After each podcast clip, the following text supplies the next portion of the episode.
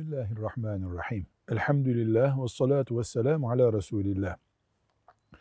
Uygun bir Müslüman, yani evlilik açısından dinen sorun yok, ahlaken sorun yok. Böyle bir Müslüman bir kızı istiyor. Kızın babası olmaz deyip tutturuyor. Kız da evliliğe razı. Peki burada ne yapılacak? Babanın uygun bir Müslüman genci reddetme hakkı esasen yoktur. Uygun bir Müslüman, uygunla dinini ve ahlakını kastediyoruz. Sağlık açısından e, engel olmadığını kastediyoruz.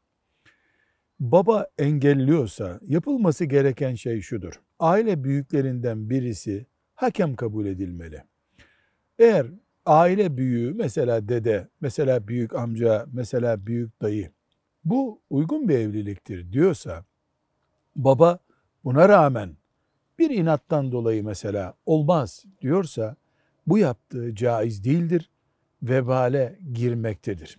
Asla kıza babasını çiğneyip evlenmesini tavsiye edemeyiz. Baba yanlış yolda olduğu için.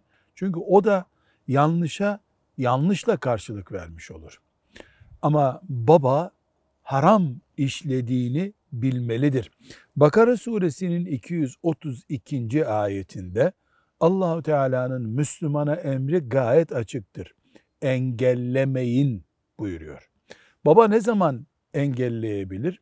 Uygun olmayan bir evliliktir. Bu uygun olmama da bizim sülaleden değil filan yerlidir gibi bir gerekçe olmaz. İmanında sorun vardır, ahlakında sorun vardır.